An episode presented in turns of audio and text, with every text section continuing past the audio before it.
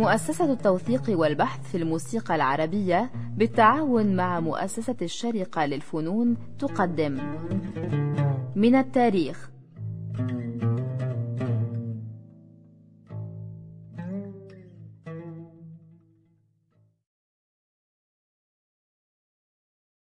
أصدقائنا المستمعين أهلا وسهلا بكم في حلقة جديدة من برنامج من التاريخ نتحدث فيها عن السلطانة. سلطنة الطرب. الست منيرة.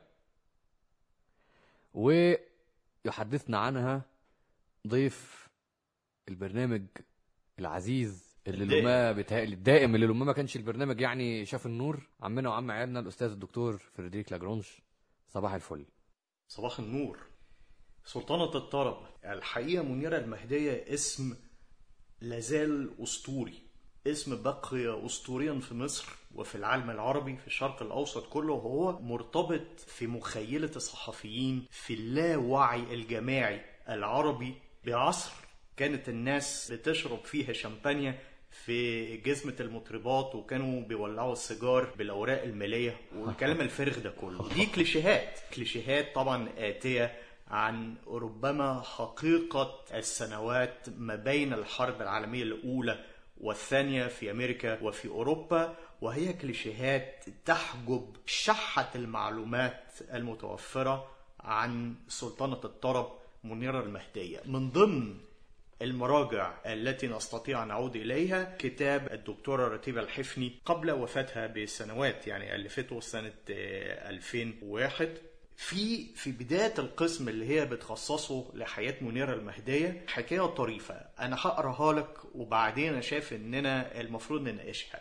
بتقول الحاجة رتيبة. في بداية شهرة منيرة الفنية سجلت لها شركة أسطوانات بيضافون مجموعة من الأغنيات لكنها لم تلقى رواجا لدى الجمهور. إلى أن زادت شهرتها ولقبت سلطنة الطرب وأصبح اسمها على كل لسان. هنا بدأت الناس تقبل على شراء اسطواناتها فأعادت شركة بيضافون طرح التسجيلات القديمة في الأسواق بسعر أعلى بهدف الربح. ويروى أن منيرة المهدية ذهبت إلى الشركة وطلبت مقابلة الخواجة بطرس جبران بيضة صاحب الشركة وهي متخفية في الملاية اللف. سألت منيرة الخواجة لسه عندك اسطوانات منيرة المهدية؟ فقال لها ضاحكا طبعا. طلبت منيرة إحضارها كلها. وظن الخواجة أن المرأة معجبة بهذه الفنانة وتريد شراء اسطواناتها. جاء العامل وهو يحمل صندوقا مملوءا بالاسطوانات. سألت منيرة هل هذه كل ما عندك؟ دي هي كلها. وبسرعة فائقة أخذت منيرة محتويات الصندوق وألقتها أرضا. فتحطمت جميع الاسطوانات. وقبل أن يثور الخواجة قامت منيرة بدفع مبلغ كبير من المال كي يبدأ في تسجيل أعمال جديدة لها بعد أن نضج صوتها. عندئذ فقط تنبه الخواجة بيضة إلى حقيقة شخصيتها فقال يخرب عقلك يا منيرة اللي يشوفك بالملاية اللف يفتكرك راية وسكينة. انتهت القصة. طبعا القصة صعب إلى حد بعيد إننا نصدقها. أولا هم بطرس وجبران دول ما كانوش إخوات؟ اولا آه هو بطرس وجبران بيضة مش بطرس جبران بيضة يعني هما الاثنين إخوات. بس دي مجرد جزئية. الأهم من ذلك إن أسطوانات منيرة المهدية القديمة اللي اتسجلت حوالي سنة 14 اللي هي بدايتها 23 في الترقيم البيضافون، الاسطوانات دي لسه موجودة. وبعدين في شركتين تانيين سجلوا صوت منيرة المهدية في هذا الطور الأول. زونوفون وأوديون وبكا حتى. بالظبط يعني زونوفون وأوديون وبكا تماما. فمنيرة المهدية العالمة كانت مسجلة من زمان. ولكن يعني سواء أكانت هذه القصة مختلقة تماما أم لا أولا ممكن يكون فيها نواح وبذرة من الحقيقة وهو عدم رضا منيرة المهدية عن تسجيلاتها القديمة لما كانت عالمة. والشيء الأهم من ذلك أن هذه القصة بتدل على أن عندما نتحدث عن منيرة المهدية هناك في الواقع منيرتين مش منيرة واحدة. منيرة هي منيرتين. منيرة قبل العشرينات ومنيرة بعد العشرينات. منيرة العلمة ومنيرة المطربة واللغز الحقيقي بالنسبة لنا هو كيف استطاعت علمة أن تتحول إلى مطربة يعني كم من العوالم حاولنا أن يتحولن مطربات هي من ضمن القلائل اللواتي نجحنا في هذه العملية في هذا التطور في هذا التحول الكلي على الصعيد. السمعة الصيت وأيضا من حيث نضج الصوت والمقدرة الصوتية والذكاء في الأداء. ده حقيقي بس ماذا لو طبقنا نفس القصة على أسمى الكمثرية بتكلم من حيث القدرات الصوتية والتصرفات في الألحان. دي مش واحدة مجرد بتأدي تراث العوالم دي واحدة بتأدي أدوار بشكل يعني عظيم. لذلك لابد من أن نعود إلى حلقات سابقة حيث كنا نميز بين نوعين من العوالم. العلمة بكل معاني الكلمة أي العالمة العلمة العالمة والعلمة بتاعت أفراح اللي بتغني الحصيلة النسائية فقط لا غير. أسمى الكمثرية أو الست الأوندية اللي مع الأسف ما تسجلتش هم العوالم من الطراز الأول. المطربة والعلمة شيء واحد في القرن التاسع عشر. وفي علمة المصطلح المستخدم في القرن العشرين عندما أصبحت سكة المطربة وسكة العلمة عندما أصبح السكتين يتفرقان يختلفان المصطلح الأول المطربة يدل على امرأة تغني الحصيلة الراقية للجمهور الراقي والعلمة مصطلح بيدل على المطربة المدنية ليست البلدي المطربة المدنية التي تقتصر حصيلتها على أغاني النساء في الأفراح وغالبا ما تكون تقاطيق وقدود حلبية ممصرة أو تقاطيق مصرية محلبنة. فإذا ممكن نقول إنه منيرة المهدية هي رمز لهذه المرحلة الانتقالية ويمكن هي اللي غيرت اسم العلمة اللي بتغني أدوار للمطربة. تمام تماما كده. ميكروفون السيدة منيرة مهدية سلطان الثاني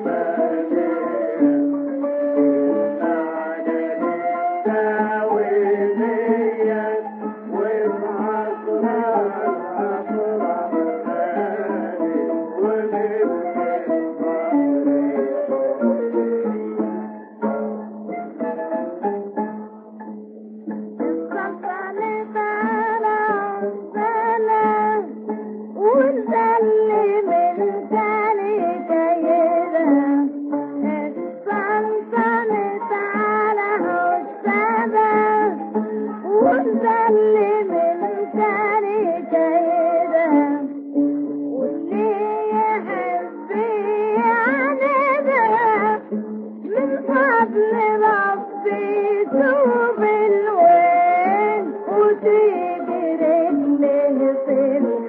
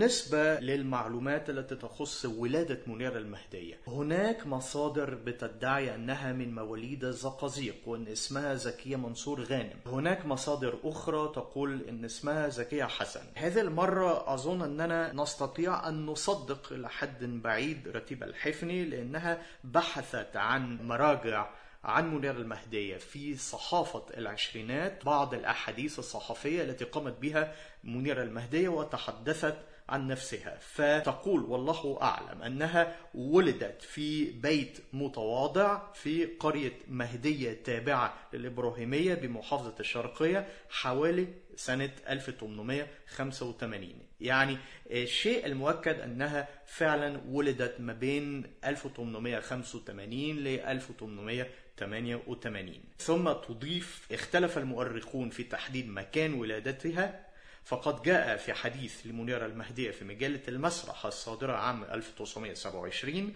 أنها نشأت في الإسكندرية حيث كانت تعيش في كنف أختها وغير واضح من حديثها إذا ما كان المولد في الإسكندرية أم لا. فلم يأتي في حديثها شيء عن نشأتها الأولى في المهدية كما أنها لن تذكر صراحة أنها ولدت هناك. كان اسم منيرة المهدية الحقيقي زكية حسن منصور. الشيء المؤكد إذن هو أنها ترعرعت في الإسكندرية. ونقرأ في هذا الكتاب عن مذكرات منيرة المهدية بقلم منير محمد إبراهيم أن منيرة المهدية اشتهرت وهي طفلة صغيرة بحلاوة الصوت وعذوبته وكانت تغني لصاحباتها كما كانت تغني في القرى والمدن المحيطة بمركز ههية فين؟ في الشرقية. وذاعت شهرتها في محافظة الشرقية وانتقل للغناء في الزقازيق عاصمة المحافظة. وذات يوم زار الزقازيق وسمع صوتها أحد أصحاب الملاهي بالقاهرة وهو محمد فرج الذي اكتشف قوة وجمال صوت الصبية الصغيرة وتمكن من إغرائها. إغرائها يا راجل. مش فاهم يعني. بالسفر إلى القاهرة غرر بيها الظاهر حيث الأضواء والشهرة. أمضت منيرة أيامها الأولى في القاهرة في المقهى الذي يديره محمد فرج وكان ذلك عام 1905 وهذا تقريبا موافق للتأريخ التقريبي لأول تسجيلاتها ما بين سنة 1905 وسنة 1907 لصالح زونوفون ولصالح أوديون. نعم. يبدو أن هي سجلت مع زونوفون قبل أوديون سنة خمسة. كانت منيرة معجبة بصوت المطربة اللوندية اللوندية هذه المطربة التي يذكرها سامي الشاو أيضا في مذكراته والتي مع الأسف لم تسجل. وكثيرا ما كانت تندس بين المدعوين في السرادق لتسمع صوت هذه المطربة التي أخذت منيرة عنها الكثير. حكاية أنها كانت بتندس بين المدعوين دي صعب أنها صعبة. صعبة جدا. يعني. خلاص يعني كانت آه، في العشرين من عمرها ما كانش لازم أنها تندس. ما ينفعش تندس وتبقى قلة مندسة وبتاع. لا صعب. أعوذ بالله من القلة المندسة. آه، غنت الصغيرة الصغيرة يعني كانت تقريبا في العشرين من عمرها. بدأت عيون الناس تلتهمها من الإعجاب فقد كان صوتها عميقا ساحرا ينفذ بسهولة إلى كل القلوب والشاع بين كل الناس أمر هذه الموهبة. زاد الإقبال على التياترو الذي كانت تعمل به منيرة وحاولت الحكومة منعها من الغناء لأنها ما زالت قاصرة. صعب. صعب. مرة أخرى هذا صعب. يوم غنت منيرة المهدية صار المقهى الصغير الواقع في طرف باب الشعرية عند التقائه بحي الأزبكية من أشهر المقاهي في العاصمة المصرية بأسرها فأقبل عليه رواد الطرب من كل مكان وفي مقدمتهم أعلام الغناء والفن. في ذلك الحين إبراهيم الأباني سليمان أرداحي سلام حكازي. إحنا بنتكلم تقريبا إذا عن الفترة الممتدة ما بين سنة خمسة وسنة عشرة. تمام. فبدأت منيرة المهدية تحس بضيق المكان فانتقلت لتعمل بملهى الإلدورادو فزاد صيتها وكانت قد تزوجت من محمود جبر الذي اتخذته مديرا لأعمالها. محمود جبر هذا الذي كان محمود بيه جبر الظاهر إنها اتعذبت معاه قوي ويقال إنها لما كانت منيرة المهدية تطيل جولتها في بلاد الشام إنها كانت تبتعد عن زوجها وتطيل الإقامة في بلاد الشام فرارا من محمود جبر واتطلقت منه حوالي سنة 23 ولذلك سجلت تقطقاتها الشهيرة من بعد 13 سنة اللي ممكن نسمعها. السيدة منيرة المهدية كروان مصر.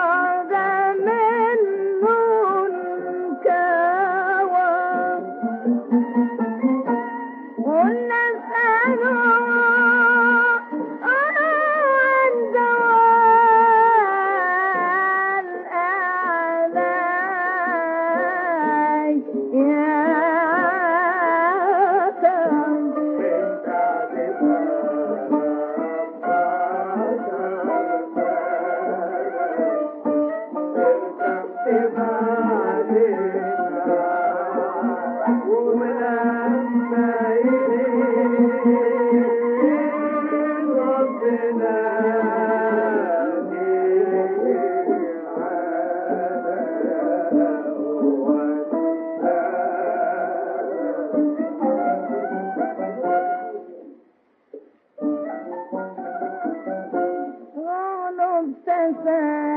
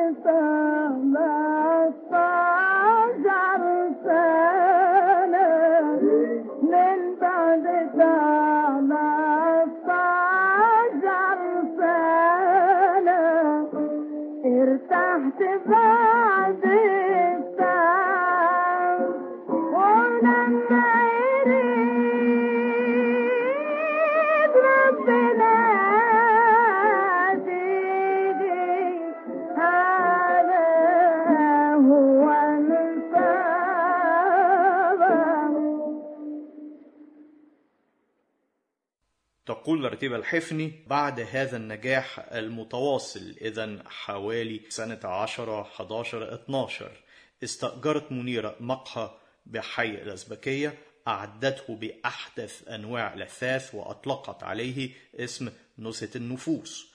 وسرعان ما اشتهر المكان حتى صار ملتقى الفنانين والأدباء والسياسيين والمفكرين.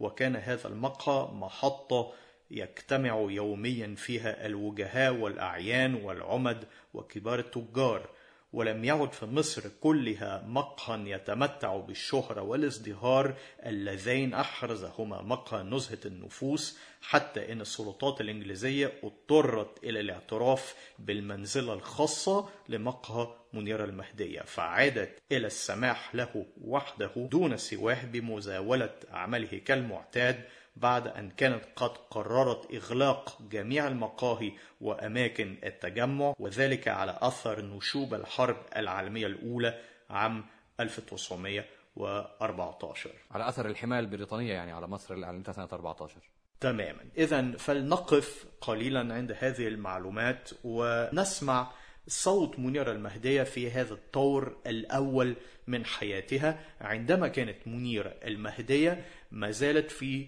طور العلمة منيرة المهدية سجلت صوتها كما سبق أن قلنا عند شركة زونوفون وعند شركة أوديون وشركة بيضافون ما بين سنة 14 و 16 مع أننا نشك كثيرا في أن التسجيلات امتدت بعد 15 بسبب ظروف الحرب العالمية الأولى. حسب مذكرات سامي الشوا بيقول إنه محدش سجل في مصر أثناء الحرب العالمية الأولى غير جراموفون. مش غير جراموفون غير ومشيان طبعاً. مشيان غير مشيان. لا هو بيقول إنه في حملة لجراموفون سنة 16 وسجلوا 600 اسطوانة وإنه مهندس الصوت جه في غواصة. ده كلام سامي الشوا كلام جميل.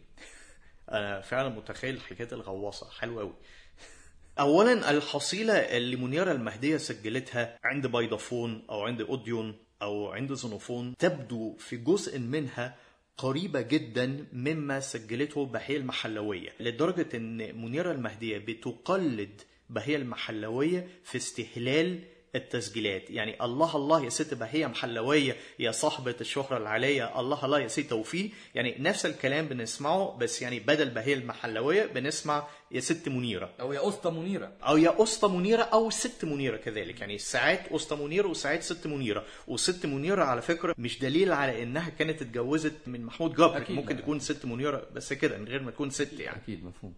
فأقترح إننا نستمع إلى مجموعة من هذه الأغاني العوالمي اللي منيره المهدية سجلتها في البداية. زي مثلا خليك على عومي يا موج البحر أو ياما الجدع ده منين. ولد اوديون معانا يا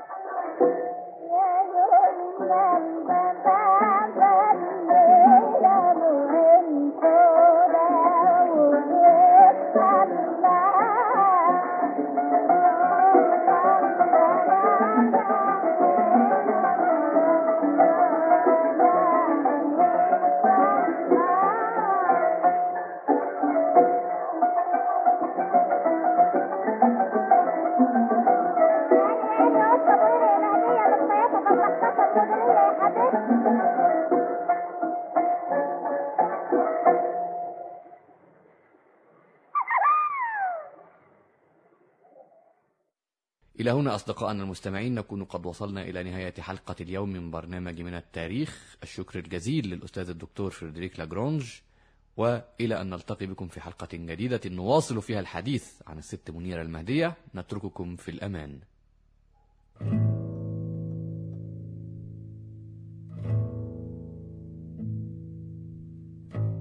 من التاريخ. فكرة وإعداد مصطفى سعيد.